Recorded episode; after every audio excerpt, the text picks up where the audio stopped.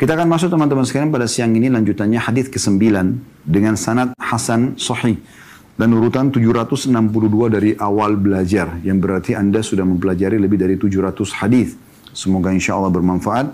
Dari Anas bin Malik radhiyallahu anhu dia berkata Rasulullah sallallahu alaihi wasallam bersabda mani'uz zakati yaumal qiyamati finnar. Orang-orang yang tidak membayar zakat akan berada di neraka nanti pada hari kiamat diriwayatkan oleh Tabarani dalam Mu'jam as-Saghir dari Sa'ad bin Sinan dan dikatakan ya bahwasanya Sa'ad bin Sinan meriwayatkan dari Anas. Hadis yang ringkas ini ya, memberikan gambaran kepada kita tentang besarnya dosa orang yang menolak membayar zakat dan sudah kita jelaskan teman-teman sekalian cara kita memahami itu dosa besar atau dosa kecil di antaranya Ibnu Umar sampaikan radhiyallahu anhu kalau diikuti dengan ancaman seperti api neraka, siksa kubur, laknat, murka Allah Subhanahu wa taala berarti ini adalah dosa besar. Dan di sini menandakan memang menolak atau tidak membayar zakat adalah dosa besar. Adalah dosa besar. Kalau tidak membayar ya, kalau sampai orang itu menolak dalam arti kata membangkang terhadap uh, syariat zakat maka hukumnya kufur. Dan itulah sebabnya kenapa Abu Bakar radhiyallahu anhu memerangi para penolak zakat setelah meninggalnya Nabi wasallam. Mereka berargumen mengatakan bahwasanya zakat hanya di, di, di, dijalankan di zaman Nabi SAW. Nah, maka Abu Bakar membentuk pasukan untuk menyerang mereka. Umar pun radhiyallahu yang sangat tegas pada saat itu mengatakan wahai Abu Bakar, tidakkah kita kirim dulu dai kepada mereka? Maka Abu Bakar dengan tegas mengatakan, demi Allah aku akan memerangi ya, orang yang membedakan antara sholat sama zakat. Ya. Maka Umar mengatakan, aku tidak melihat kecuali Abu Bakar mendapatkan petunjuk. Dan akhirnya diperangilah mereka sampai akhirnya zakat bertahan insya Allah pada hari ini dan sampai menjelang hari kiamat nanti. Dan sudah kita jelaskan teman-teman sekalian masalah zakat ini dari bab yang pertama yang sudah kita jelaskan ini sekarang bab yang kedua tentang zakat tersebut dan dia ada dua syarat mutlak yaitu masalah haul dan nisabnya. Sekarang kebetulan kita mendekati bulan Ramadan, maka yang paling tepat Anda yang belum niat haul diniatkan Ramadan. Jadi Ramadan tahun lalu adalah awal haul Anda. Ramadan nanti ini kurang lebih tanggal 1 atau tanggal 2 April kita masuk haul. Ya, berarti apa pun yang Anda miliki dari harta simpanan dan investasi, di situ Anda hitung. Kalau mencapai syarat yang kedua, batas minimal nisabnya 85 gram emas, maka dikeluarkan 2,5 persen. Dan kami ingatkan kembali, zakat ini fungsinya pensucian harta. Jadi di saat misalnya ada pendapatan-pendapatan kita dalam satu tahun tersebut yang syubhat, yang kita tidak tahu bahkan. Kalau Anda sengaja tahu itu uang haram Anda makan, maka itu dosa tersendiri. Tapi kalau Anda tidak tahu, seperti kami misalnya Allah amanahkan restoran, kami tidak mungkin menanyakan setiap konsumen datang apakah uang Anda halal atau tidak. Maka ini bisa saja dari uang yang haram, mungkin uang riba, mungkin uang menipu, mungkin uang mencuri. Kita tidak pernah tahu. Karena kita tidak tahu, maka disucikan harta tersebut setelah satu tahun dengan zakat.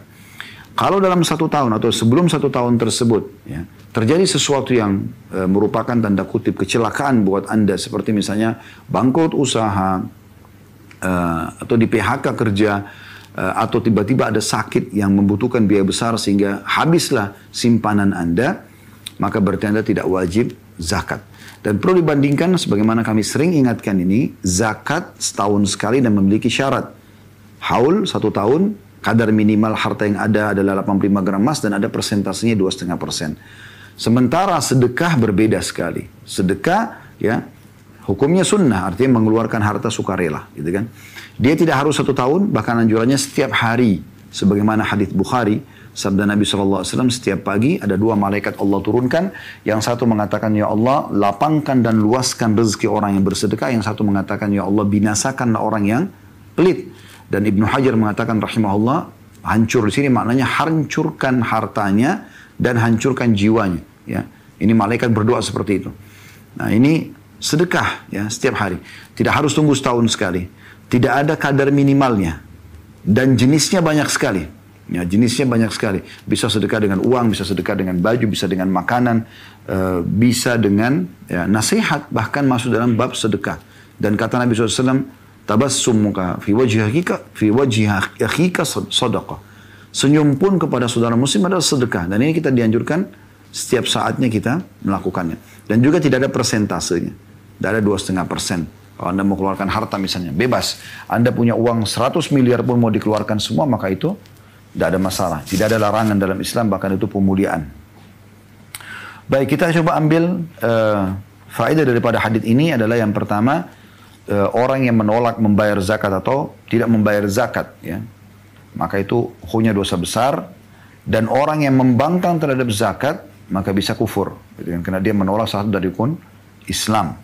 Kemudian faedah yang kedua, bagaimana ya, orang yang menolak zakat ini, dia uh, uh, ulama rincikan menjadi dua bagian. Ada yang uh, orang yang faham hukum dan sengaja tidak mau membayarnya, ini sudah mutlak dosa besar. Ada orang yang belum faham hukum, kemudian sampai padanya argumentasi atau hukum. Maka sebelum dia faham hukum, diharapkan dia tidak berdosa. Tapi setelah sampai padanya hukum atau argumentasi, dia dianggap berdosa kalau tidak menjalankannya. Ya. Dan dia berusaha untuk menghitung berapa banyak harta yang dulunya dia belum zakati, kemudian dia coba menzakatinya. Kita masuk ke hadis ke-10 dengan sanad sahih di ghairihi dan urutan 763 dari awal belajar yang berbunyi dari Buraidah radhiyallahu anhu dia berkata Rasulullah sallallahu alaihi wasallam bersabda ma mana'a qaumun zak ma mana'al qaumun zaka illa btalahumullahu bis sinin Tidaklah satu kaum menolak membayar zakat melainkan Allah menimpakan peceklik panjang kepada mereka. Hadis ini riwayat Tabaran dalam Mu'jamul Awsat dan semua rawi-rawinya thiqah atau terpercaya. Al-Hakim juga Al-Baihaqi menyebutkan hadis ini. Hanya saja keduanya maksudnya Al-Hakim dan Al-Baihaqi menyebutkan lafadznya wala mana'a qaumunuz zaka uh, wala mana'al qaumuz zaka illa habasallahu anhumul qatra. Dan tidaklah satu kaum menolak membayar zakat melainkan Allah akan menahan ya atau dalam kurung bisa dibaca juga tidak menurunkan hujan bagi mereka. Hadis ini sahih, kata hakim berdasarkan syarat Imam Muslim. Kedua buah riwayat ini dalam satu nomor, yaitu nomor 10, menjelaskan kepada kita ancaman yang akan atau hukuman yang akan Allah datangkan kalau seseorang menolak membayar zakat. Ya. Jadi ancaman di riwayat pertama adalah peceklik, musim kemarau yang panjang, dan yang kedua adalah Allah tidak menurunkan hujan pada mereka. Ya. Jadi sebenarnya kurang lebih hampir sama maknanya, cuman kedua riwayat ini ya menyebutkan tentang ancaman bagi orang yang tidak membayar zakat. Ya.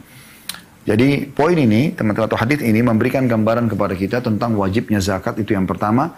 Dan yang kedua, beratnya ancaman bagi orang yang menolak untuk membayar zakat. Ya.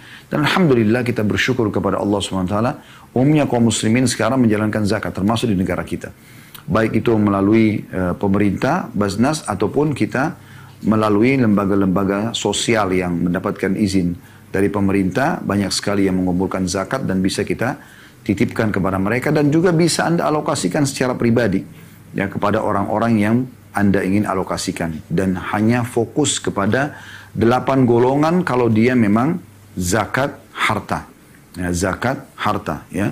Kita sudah jelaskan delapan golongan dan Anda bisa buka dalam surah At-Taubah surah nomor 9 ayat 60 Bunyinya a'udzubillahi minasyaitonirrajim innamas sadaqatu lil fuqara'i. Nah, ini golongan pertama. Sesungguhnya zakat-zakat itu hanya diberikan kepada orang yang fakir. Dan fakir maknanya dia tidak punya uh, apa-apa uh, yang dia bisa makan hari itu apalagi besok. Ya. Kemudian yang kedua wal masakin dan orang-orang miskin. Orang miskin artinya punya pendapatan tapi kurang. Ya, ini biasanya kita digabung fakir miskin. Kalau dalam Al-Quran ini dibedakan ya dibedakan. Kemudian jadi dalam orang miskin ini masuk dalamnya orang-orang pegawai punya gaji misalnya sejuta dua juta tapi kebutuhan rumahnya tiga juta tiap bulan karena anak tiga belum bayar listrik segala macam ini juga masuk dalam mustahik bisa diberikan zakat ya. Kemudian yang ketiga wal amilina 'alaiha. Para amil-amil zakat ya lembaga-lembaga sosial itu yang mengumpulin zakat bisa memberikan gaji pegawainya dari situ. Wal, yang keempat wal muallafati qulubuhum dan orang-orang yang muallaf ya. Muallaf ini artinya masuk Islam tapi hatinya masih lemah ya, masih lemah. Sehingga dia bisa murtad setiap saat maka di, e, diberikan zakat kepada mereka. Yang kelima wa riqab, pembebasan budak. Yang keenam wal gharimina ya artinya orang-orang yang terlilit utang dan yang ketujuh wa fi sabilillah dan di jalan Allah Ya, walaupun lebih cenderung sini pendapat mengatakan perang di jalan Allah ya tepatnya. Yang kedelapan wabni sabil, orang-orang yang terputus jalan ya. Artinya orang yang musafir kemudian mereka kehabisan e, bekal atau misalnya dirampok di tengah jalan ya. maka mereka boleh diberikan zakat.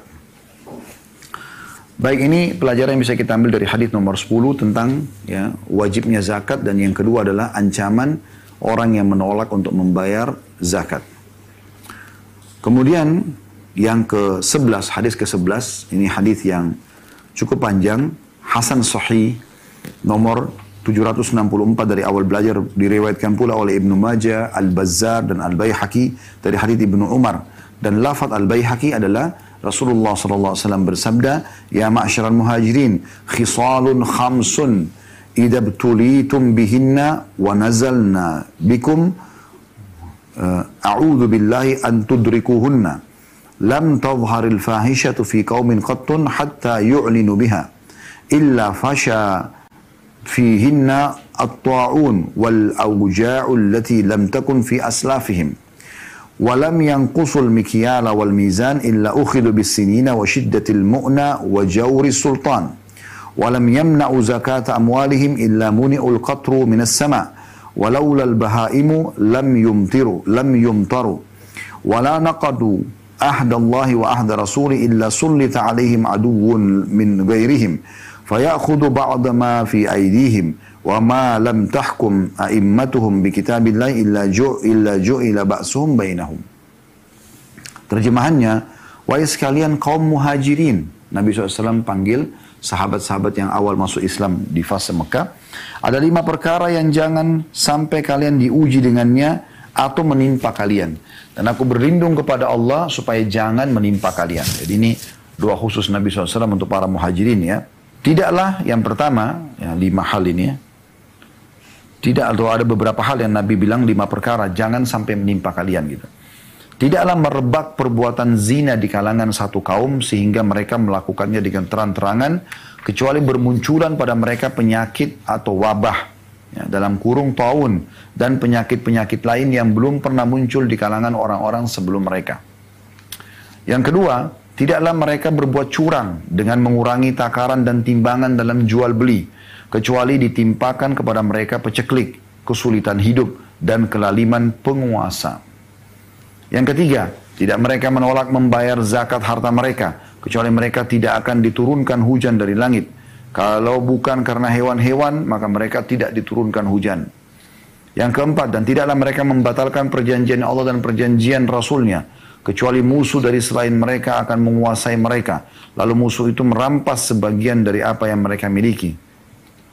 Yang kelima, dan tidaklah pemimpin-pemimpin mereka tidak bertahkim atau berhukum dengan kitab Allah, melainkan ditimpakan atas mereka permusuhan di antara mereka sendiri. Hadith ini, teman-teman sekalian, memberikan bocoran kepada kita. Nabi SAW memberikan kepada kita bocoran tentang masalah-masalah yang umumnya dihadapi oleh kaum muslimin, bahkan dunia ini. Ya. Dan ini adalah bocoran yang sangat menarik. Artinya kalau kita sudah tahu dosa ini penyebabnya ini gitu. Tinggal kita tinggalkan dosanya supaya tidak terjadi hukuman itu dari sang pencipta Allah Subhanahu wa taala. Namun kita coba korek satu persatu mutiara hadis ini. Yang pertama adalah Nabi SAW mengajak bicara kaum muhajirin dan mereka adalah kaum yang pertama masuk Islam di fase Mekah. Kenapa mereka yang dipanggil? Ada kemungkinan memang mereka mayoritas yang hadir pada saat itu atau memang ini masih di fase ya yang memang uh, um, muhajirin yang ada di situ. Maksudnya di fase Mekah, ya, karena belum ada masa hijrah. Ini kemudian kemungkinan bisa terjadi. Atau memang Nabi SAW memanggil mereka dikarenakan ya, kalau mereka sudah tersentuh, maka yang lain dianggap bisa tersentuh. Ya. Itu yang pertama. Kemudian Nabi SAW menyebutkan tentang doa untuk mereka, untuk para muhajirin. Agar jangan sampai satu pun dari muhajirin mendapatkan ini. Jangan sampai satu pun dari muhajirin mendapatkan. Dan itu doa Nabi SAW mustajab. Ya. Jadi ini kalau kita simpulkan mutiara satu saja kita ambil sini adalah keutamaan kaum muhajirin. Tentu mereka punya kedudukan banyak sekali, ya. tinggi sekali di sisi Allah Subhanahu Wa Taala, karena mereka beriman kepada Nabi SAW di fase di mana orang semua banyak kufur kepada Nabi Sallallahu Alaihi Wasallam di fase Mekah ya, di fase Mekah. Baik, kita masuk ke mutiara yang kedua. Lima hal yang diberikan bocoran oleh Nabi Sallallahu Alaihi Wasallam agar umat ini keluar dari permasalahan yang sedang mereka hadapi. Kita masuk langsung ke masalah yang pertama yaitu zina, dosa zina, ya. Dan dosa zina sudah masyhur di kalangan kaum muslimin dan ulama muslimin kalau dia adalah dosa besar. Bahkan dalam beberapa hadis disebutkan masuk dalam tujuh induk dosa besar yang membinasakan. Ya. Oleh karena itu syaitan banyak fokus menjerumuskan kaum muslimin dan generasi mudanya ke dosa ini, ke dosa ini. Ya. Dan siapa pun yang mulai mengarah ke sana, maka segera mengontrol diri. Segera mengontrol diri dan uh, alangkah baiknya kalau seseorang itu menutup permasalahan hidupnya dalam masalah ini dengan menikah. Ya. Kalau Anda sudah menikah, maka Anda sudah punya solusinya. Itu pernah disampaikan oleh baginda Nabi Sallallahu Alaihi Wasallam. Ya, beliau mengatakan kepada para sahabat, siapa pun di antara kalian yang melihat satu wanita yang menarik buat dia, Maksudnya yang sampai bisa menggoda dia, maka kembali pada istrinya karena istri memiliki apa yang dimiliki oleh wanita tersebut, oleh wanita tersebut, ya. Dan zina ini bahasanya panjang sekali. Kami sudah jelaskan panjang lebar di dalam uh, bahasan kitab Al-Kabair, dosa-dosa besar, ya. Hanya saja kami ingin titik beratkan teman-teman sekalian, semua kita bisa terpengaruh untuk ini. Karena ini memang uh, dihiasi oleh syaitan punya kenikmatan tersendiri, gitu kan? kenikmatan tersendiri.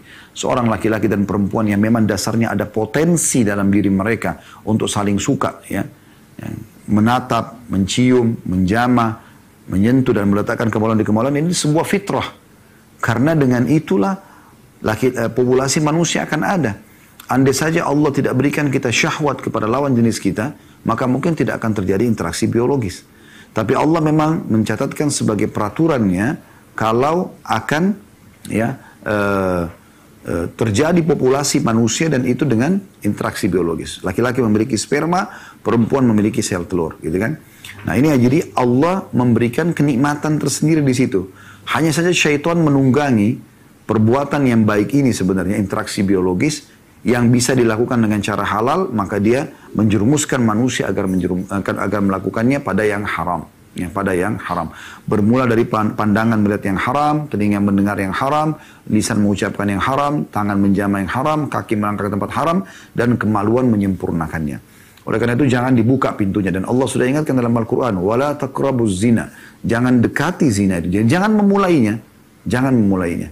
Kalau Anda terfikir ya untuk melangkah menikah, maka menikahlah ya. Dan to the point tentang masalah pernikahan tersebut. Nanti pacarannya interaksi biologis setelah menikah. Jadi jangan pernah membuka pintu-pintu kemaksiatan sebelum menikah karena ini justru banyak menjadi penyebab rumah tangga ribut karena maksiat sebelum menikah. Tutup semua pintu itu. Melangkah menikah bismillah ya. Dan kalau ada was-was syaitan membuat anda ragu melangkah, melangkah, lawan saja. Bismillah anda melangkah. Kecuali pertimbangan syar'i yang memang wajar untuk jadikan sebagai bahan pertimbangan. Jadi zina ini luar biasa. Dia kata sebagian ulama seperti virus. Kapan dia sudah dikerjakan oleh satu orang, maka dan itu tidak dipungkiri, dia akan merajalela, dia akan ke mana-mana. Akan dianggap sebagai sesuatu yang biasa. Syaitan akan membuat si pelaku zina ini untuk bangga dengan apa yang dia rasakan dari kenikmatan, lalu bercerita dengan teman-temannya, dan teman-temannya itu pun dibisikkan oleh syaitan sampai terus-menerus ya mereka menyebarkan kemaksiatan di mana-mana dan merata di mana-mana. Ya. Di zaman kita sekarang mereka mengistilahkan dengan hiburan ya hiburan. Ya, selalu ada di diskotik, di bar, di karaoke, pasti ada wanita yang ditemani. Ya. Entah kalau wanita itu cuma temani duduk, sulit sekali. Kata Nabi SAW, tidak ada seorang laki-laki dan perempuan berduaan kecuali yang ketiganya adalah syaitan. Syaitan pasti akan menyesatkan mereka, nggak mungkin. Minimal sudah mulai mendapatkan zina mata, ya, kemudian zina telinga, ya, kemudian zina lisan, ya, tangan, dan juga kaki karena sudah melangkah dan akhirnya kemaluan yang membenarkan masalah itu. Jadi karena itu solusinya adalah menikah. Solusinya adalah menikah. Dan di sini ancamannya adalah tidak tidak tidak tanggung-tanggung ya kata Nabi SAW kecuali bermunculan pada mereka penyakit wabah. Jadi penyakit epilepsi dan uh, maaf penyakit uh, apa namanya uh, AIDS dan yang sejenisnya semua ini muncul justru karena penyalahgunaan interaksi biologis yang bisa dilampiaskan dengan cara halal. Subhanallah banyak sekali orang mungkin dia beberapa kali menikah. Karena dia ingin mendapatkan pasangan yang pas, tidak cocok, cerai, kemudian dia nikah. Tapi tidak pernah tertimpa penyakit. Karena dia menikah. Tapi ada orang subhanallah, dia buka pintu, pintu zina, satu kali zina sudah Allah uji dengan penyakit kelamin dan seterusnya. Maka ini menandakan memang harus dilampiaskan kepada hal yang ya, benar. Dan kalau seandainya ya, seseorang uh, melakukan apa namanya uh, menyelamatkan diri dari perbuatan zina, bukan hanya sekedar dia meninggalkan hal haram, tapi dia akan mendapatkan pahala di sisi Allah Subhanahu Wa Taala. Ingat, setiap kita pasti akan digoda oleh syaitan untuk melakukan perbuatan ini, tapi orang mukmin akan selalu mengontrol dirinya. Ini mutiara yang kedua. Jadi mutiara yang pertama dari hadis tentang keutamaan kaum muhajirin. Yang kedua adalah bocoran pertama Nabi SAW bahwasanya penyebab dari wabah, ya e, penyakit yang menyebar, ya bahkan belum dikenal sebelumnya. Bukankah di zaman kita sekarang kita banyak dengar kenal penyakit yang belum ada sebelumnya? Nah ini kuncinya sederhana. Dan Nabi SAW tidak mungkin salah karena tersebarnya perzinahan. Kemudian kita ambil mutiara yang ketiga dari hadis dan ini adalah bocoran yang kedua dari Nabi SAW yaitu tentang masalah tidaklah mereka berbuat curang dengan mengurangi takaran dan timbangan dalam jual beli kecuali ditimpakan kepada mereka peceklik kesulitan hidup dan kelaliman penguasa ya. Jadi ada tiga hal di sini yang muncul kalau orang curang dalam timbangan.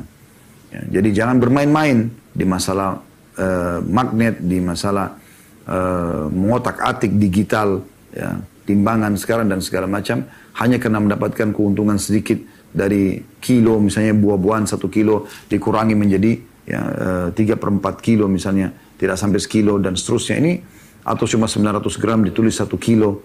Ya, anda yang menjual barang-barang, ya, kalau makanan di kaleng misalnya, tulis di situ berat bersih berapa, gitu kan? Jadi jangan sampai tulis di situ berat 500 gram tapi sebenarnya dia cuma 450 gram. Ini juga masuk dalam kecurangan. Jadi ditulis di situ. Berat bersihnya 450 gram, gitu kan? Nah, dengan kalengnya jadi 500 gram. Jadi dia ditulis berat bersihnya. Ini yang benar. Dan banyak contoh-contoh yang berhubungan dengan masalah ini. Tapi ini ancamannya berat sekali. Karena orang mukmin tidak akan pernah curang dan tidak akan pernah mau menipu saudaranya muslim karena itu dosa, menipu orang. Yang kedua dia tidak akan mungkin mengambil pendapatan halal haram karena dengan menipu itu jadi haram gitu kan. Yang ketiga dia tidak mau juga masukkan ke dalam tubuhnya makanan yang haram. Oleh karena itu dia harus hati-hati ya. Dan dalam hadis Nabi SAW disebutkan tidak akan beranjak kaki seorang hamba hari kiamat sampai ditanya empat hal. Salah satunya adalah harta. Dan harta ini luar biasa rinciannya. Ditanya dari mana sumbernya, ke mana dia keluarkan. Oleh karena itu pernah kami jelaskan dan kami ingatkan kembali e, manusia dalam masalah mengelola harta ini ada empat ya. Yang terbaik adalah sumbernya halal dikeluarkan pada yang halal. Ini puncak kebaikan di sini ya. Ada yang kedua ya. Ini baik setengahnya, setengahnya tidak baik. Sumbernya halal dikeluarkan pada yang haram. Dia bekerja halal. Dia bisnis halal, tapi dipakai berzina. Misalnya. Maka ini jadi jadi do, perpahala di awalnya mencari, tapi setengahnya dapat dosa pada saat dia mengeluarkan. Dia bisa jawab hari kiamat, oh ya saya bekerja di sini. Tapi ke mana dia keluarkan? Allah akan tanya. Kedosa berarti akan ada pertanggungjawabannya. Ini golongan kedua. Dan jangan jadi orang seperti ini. Tetap golongan pertama ya. Sumber halal keluar pada yang halal. Ya. Yang kedua adalah sumber halal dan keluar pada yang haram. Ini jangan seperti ini. Walaupun sumbernya halal. Yang ketiga dibalik. Ini buruk ya sumbernya haram, hasil zina, hasil menipu, hasil uh, pencuri, dan dikeluarkan pada yang halal, dipakai umroh, dipakai haji, ini nggak boleh juga. Sumbernya haram dikeluarkan pada yang halal, nggak boleh. Tidak diterima ibadahnya. Karena kata Nabi SAW, Inna Allah tayyibun la balu illa tayyiban. Allah suci, dia tidak, tidak terima kecuali yang suci. Jadi sumbernya haram, hasil curian segala macam, tapi dia pakai haji, dipakai umroh, umrohin orang tuanya, biaya anak-anaknya, ini semua nggak boleh. Golongan keempat yang paling buruk, sumbernya haram, dari hasil manipulasi, menipu, riba, dan segala macam, dikeluarkan pada haram. Pesta poya-poya dengan perzinahan, dengan khamar, dan seterusnya. Ini orang yang paling buruk. Ancamannya sangat berat di sini teman-teman sekalian ya. Ada tiga hal peceklik, kemarau yang berkepanjangan, kesulitan hidup, selalu saja ada masalahnya dalam hidupnya. Walaupun rumahnya mewah, mobilnya mewah, terlihat orangnya tampan dan cantik, tapi selalu sulit hidupnya. Selalu gelisah, selalu permasalahan. Ini karena masalah kecurangan tadi. Dan yang ketiga adalah kelaliman penguasa. Jadi jangan salahkan penguasa yang zalim kepada Anda. Tapi bermula dari masyarakat itu sendiri. Kapan kita menjaga diri kita teman-teman sekalian, hubungan kita dengan Allah SWT, Allah datangkan pemimpin yang seperti kita. Pemimpin yang seperti kita. Jadi bermula dari masyarakat. Bermula dari masyarakat. Kemudian yang ketiga yang diingatkan oleh Nabi SAW sebagai bocoran agar kita selamat dari permasalahan-permasalahan yang kita lalui di dunia ini.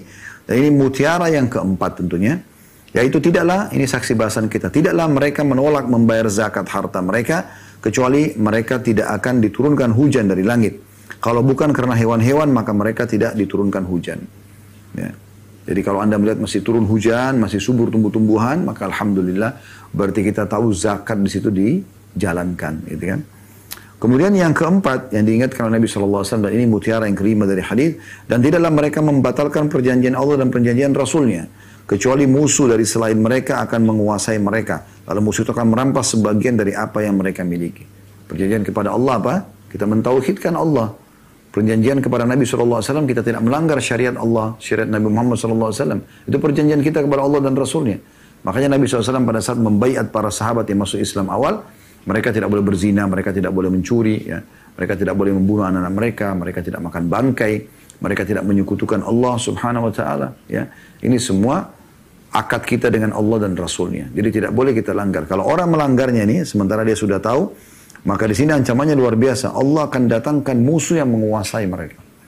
Musuh yang menguasai mereka dan merampas sebagian apa yang mereka miliki.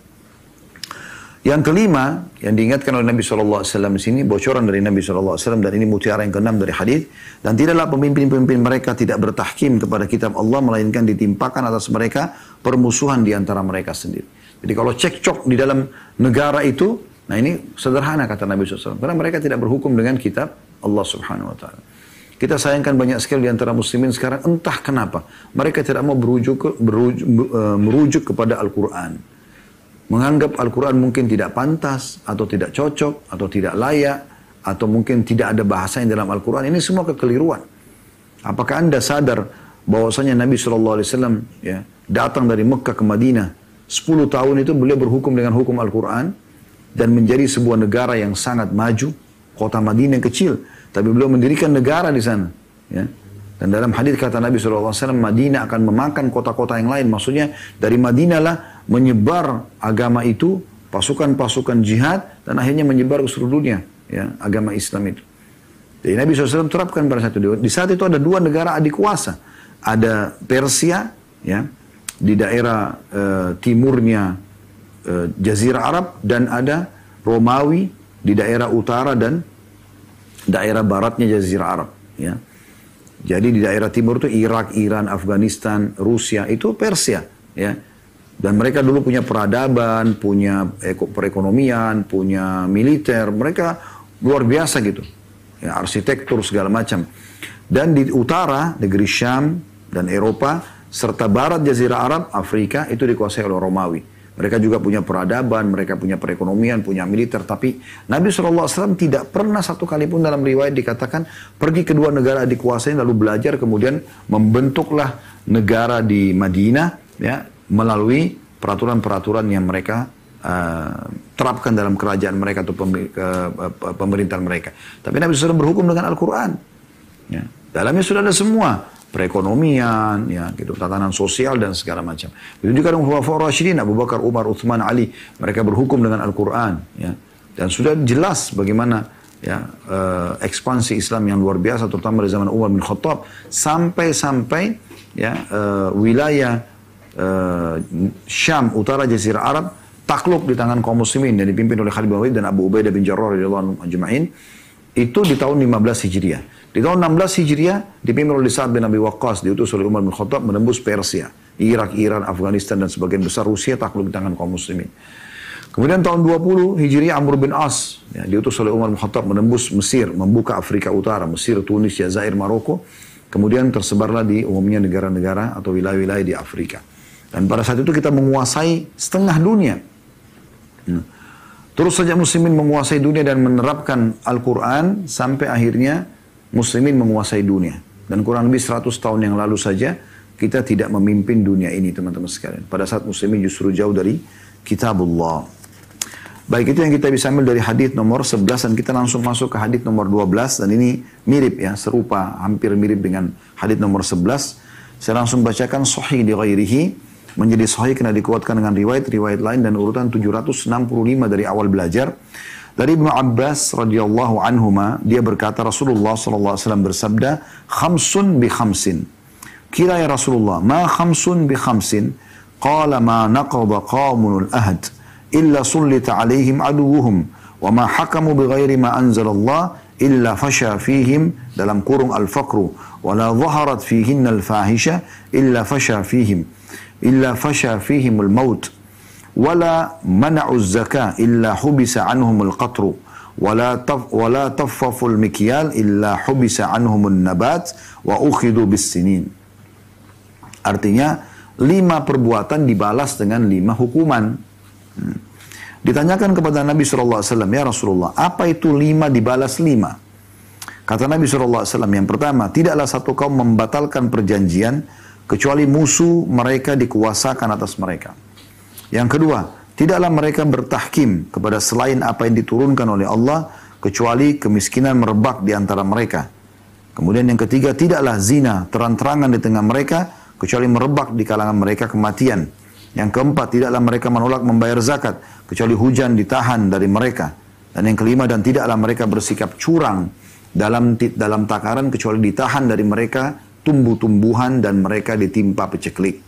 Hadis ini riwayat Tabarani dalam Mu'jamul Kabir dan sanatnya mendekati Hasan dan dia memiliki syawahid artinya saksi-saksi hadis lain yang menguatkan apa yang sedang disampaikan oleh Nabi Wasallam tadi.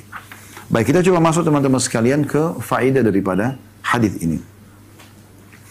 Yang pertama adalah keindahan retorika Nabi Wasallam. Dan ini bisa dimasukkan dalam jawami al-kalim atau kata-kata yang dikumpulkan, dirangkumkan dan bisa mencakup banyak sekali manfaat dan penjelasan gitu. Karena beliau menjelaskan khamsun bi khamsin. Dan ini menarik sekali orang untuk bisa memperhatikan atau menarik perhatian orang gitu kan. Lima perkara akan dibalas dengan lima hukuman. Nah gitu. Jadi orang jadi mau tahu apa itu. Nah makanya para sahabat bertanya gitu. Ini faedah yang pertama, bagaimana retorika yang dipakai oleh Nabi Shallallahu Alaihi Wasallam ini adalah retorika yang sangat menarik dan harusnya setiap dai juga bisa memilih retorika-retorika yang tepat dalam menyampaikan apa yang ingin mereka sampaikan Kadang-kadang mereka sampaikan secara langsung, kadang-kadang mereka sampaikan dengan perumpamaan-perumpamaan atau contoh-contoh, kadang-kadang disampaikan dengan kisah-kisah, tergantung kondisi dan keadaan yang bisa mereka menyampaikan agama Allah SWT. Yang penting ikhlas, sisanya urusan Allah Subhanahu wa taala.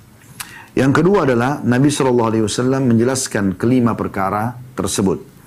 Yang pertama, ma naqada qaumul ahad illa sullita alaihim aduhum tidak ada orang yang membatalkan perjanjian, maksudnya di sini secara zalim, ya.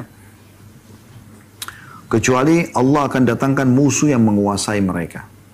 Musuh yang menguasai mereka. Di sini juga bisa kalau kita kembalikan kepada hadis yang sebelumnya hadis nomor 11 membatalkan perjanjian Allah dan Rasulnya. Sudah kita jelaskan tadi ya. Allah larang mereka berbuat syirik, Allah suruh mereka beriman, beramal soleh. Nabi SAW melarang mereka bermaksiat tapi mereka melanggar semua itu. Maka ini masuk dalam makna ini. Artinya musuh mereka akan menguasai mereka. Apa makna potongan ini teman-teman sekalian? Maknanya kalau kita justru menjaga perjanjian dengan Allah, hubungan dengan Allah baik, hubungan uh, menerapkan apa yang Nabi SAW ajarkan baik, maka otomatis tidak akan pernah ada musuh yang mengalahkan kita. Dan itu terjadi. Di zaman Nabi SAW tidak ada musuh yang mengalahkan beliau. Padahal luar biasa luasnya Jazirah Arab dibandingkan kota Madinah yang kecil. Dan tidak ada satupun pasukan yang bisa menaklukkan kota Madinah pada saat itu. Ya.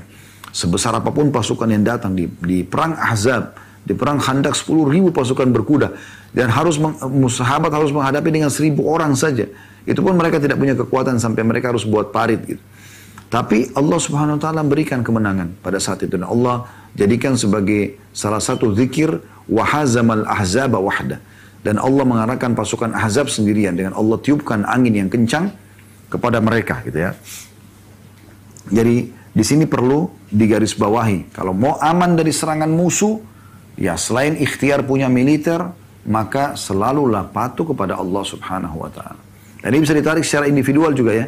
Kalau anda pribadi menjaga hubungan baik dengan Allah subhanahu wa ta'ala, sholat anda khusyuk, doa anda juga rutin, anda selalu menjaga zikir, membaca Al-Quran, menerapkan apa yang Allah wajibkan dan Allah sunnahkan dan meninggalkan apa yang Allah larang semampu anda, maka pastikan tidak akan pernah ada musuh yang bisa mengalahkan anda. Secara pribadi pun sama.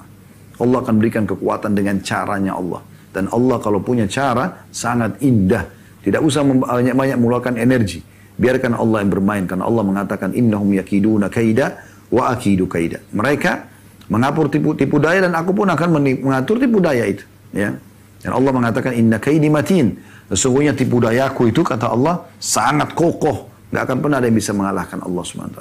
Orang-orang itu hanya akan mengatakan, oh kok bisa? Nah, mereka hanya membahasakan itu.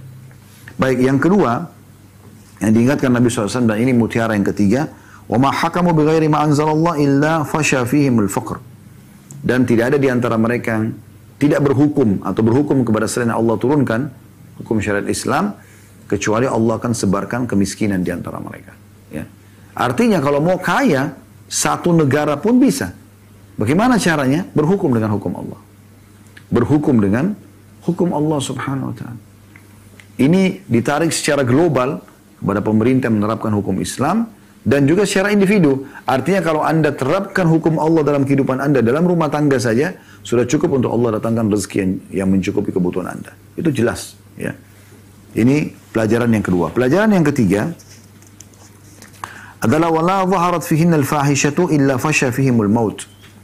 Dan tidak ada tersebar zina ya di satu kaum mereka terang-terangan melakukan kecuali merebak di antara mereka kematian. Mati tiba-tiba, ya mati dengan sebab-sebab yang aneh gitu ya.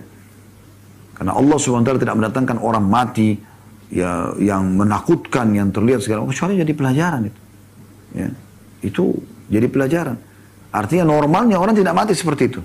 Tapi subhanallah ada orang yang Allah datangkan seperti itu. Karena karena karena, tersebar fahisha itu pada mereka. Apalagi ada orang yang lebih buruk ya. Ada orang berzina dia sendiri Antara dia sama Allah SWT. Ya mudah-mudahan dia segera bertobat dan Allah maafkan. Tapi ada orang tidak. Dia berzina dan dia buat fasilitas zina itu. Dia membiayai, dia memfasilitasi, dia menceritakan sama teman-temannya, dia yang motivasi, dia yang dia yang menyiapkan bahkan, gitu kan. Artinya dia bayarkan naudzubillah pelacur untuk temannya tiduri. Nah ini aneh sekali. Ya. Dia panen dosa yang sangat luar biasa gitu. Dan ini bisa menyebabkan kematian tiba-tiba. Yang keempat, ini saksi bahasan kita, wala mana'uz zaka illa hubisa anhumul qatru. Dan tidak ada di antara mereka yang menolak untuk membayar zakat kecuali akan ditahan dari mereka air hujan, ya. Dan sudah dijelaskan di riwayat sebelumnya, riwayat nomor 11, kalau bukan karena hewan-hewan maka Allah tidak akan turunkan hujan buat mereka. Ini menandakan memang hewan-hewan juga Allah berikan rezeki, gitu kan. Justru hewan-hewan itu ya bisa lebih mulia daripada mereka, daripada orang-orang yang menolak untuk membayar zakat ini. Karena dengan hewan-hewan itulah dia dapat rezeki. Air ini sumber kehidupan semuanya. Dengan adanya air, tumbuhlah tumbuh-tumbuhan kita, hewan-hewan kita jadi sehat. Kita pun bisa mendapatkan air dan seterusnya. Dan yang terakhir adalah wala taffaful mikyal illahu bisa anhumun nabat wa ukhidu. Dan tidaklah mereka curang dalam timbangan hmm, kecuali akan ditahan dari mereka hasil panen tumbuh-tumbuhan. Ya, hasil panen tumbuh-tumbuhan dan juga mereka akan ditimpa peceklik. Ya, banyak orang subhanallah, mungkin kita pernah dengar di Indonesia ya, mereka sudah akan panen ini. Besok akan panen. Subhanallah malamnya Allah datangkan tikus. Habis semuanya seketika. Mereka cuma bisa ya uh, kaget, terpelang dengan masalah ini. Ya. Tapi subhanallah begitu Allah datangkan. Harusnya dia bisa panen kalau dia berbuat baik. Ya. Tapi di sini mereka memang sudah niat curang. Saya banyak dengar ya kasus dari teman-teman kita di lapangan. Ada yang uh, sengaja pada saat nimbang barang gitu. Jadi apalagi kalau barang-barang itu besar. Jadi pada saat ditimbang ada pegawai yang sengaja memang mereka tugaskan. Itu mengangkat karung-karung di atas timbangan. Kemudian diikutkan kaki dia. Nah, sengaja supaya lebih berat.